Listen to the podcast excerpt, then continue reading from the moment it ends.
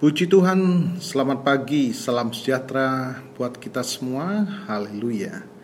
Senang sekali kita pagi ini dapat bertemu kembali oleh kemurahan Tuhan. Sepanjang malam Tuhan sudah menjaga dan menaungi kita dan kembali membangunkan kita pagi ini dengan tubuh yang sehat walafiat. Puji Tuhan.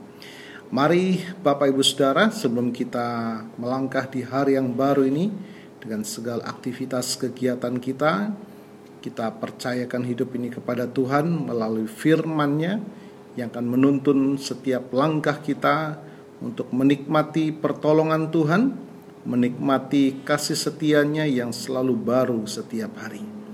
Saya akan bacakan bagian firman Tuhan buat Bapak Ibu Saudara di dalam Yesaya pasal yang ke-9 ayat yang ke-6.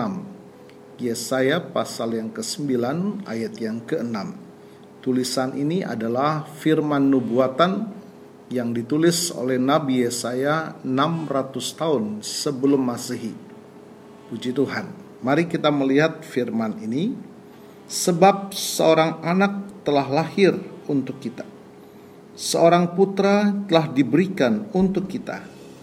Lambang pemerintahan ada di atas bahunya dan namanya disebutkan orang penasihat ajaib, Allah yang perkasa, Bapa yang kekal, Raja damai.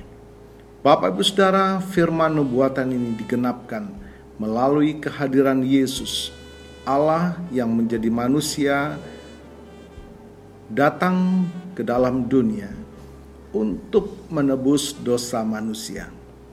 Kita sadar bahwa manusia tidak dapat menyelamatkan dirinya sendiri untuk masuk surga. Mengapa demikian?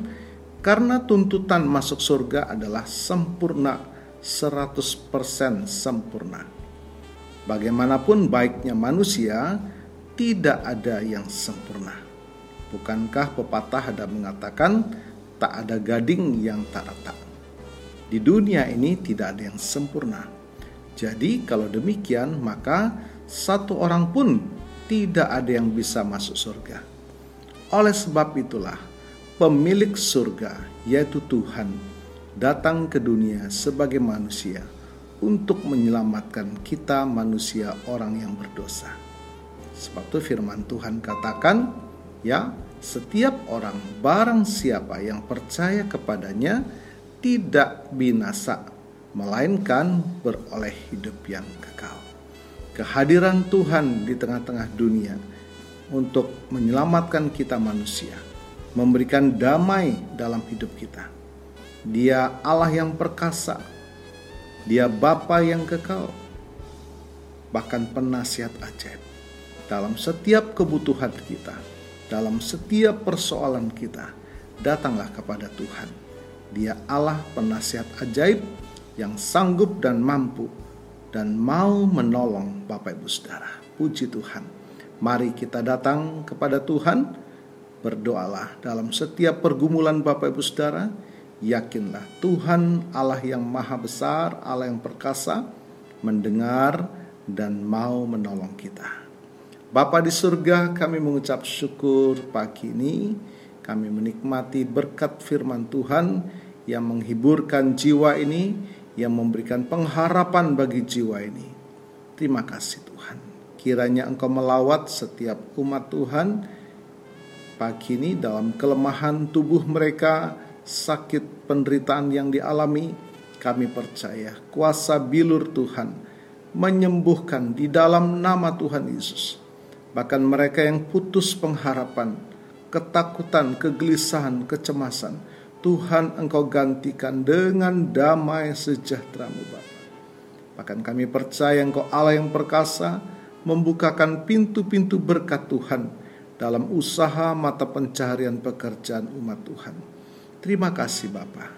Mari Bapak Ibu Saudara, tadakanlah kedua tangan dan iman kepada Tuhan, kita mohonkan berkat dari Tuhan. Kiranya keberkatan dan kasih karunia dari Allah Bapa, cinta kasih di dalam Yesus Kristus, dan persekutuan di dalam Allah Roh Kudus menyertai dan memberkati kita. Marilah kita masuki hari yang baru ini dan terimalah berkat Tuhan atas seluruh hidupmu. Terimalah berkat Tuhan atas rumah tanggamu. Terimalah berkat Tuhan atas usaha dagang dan pekerjaanmu. Terimalah berkat Tuhan atas cita-cita pendidikan dan masa depanmu.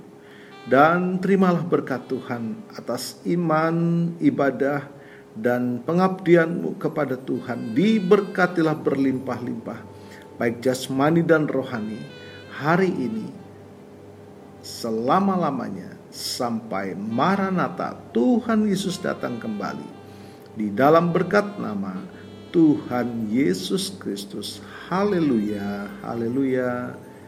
Amin. Puji Tuhan Bapak Ibu Saudara, selamat pagi. Selamat beraktivitas. Tuhan Yesus memberkati.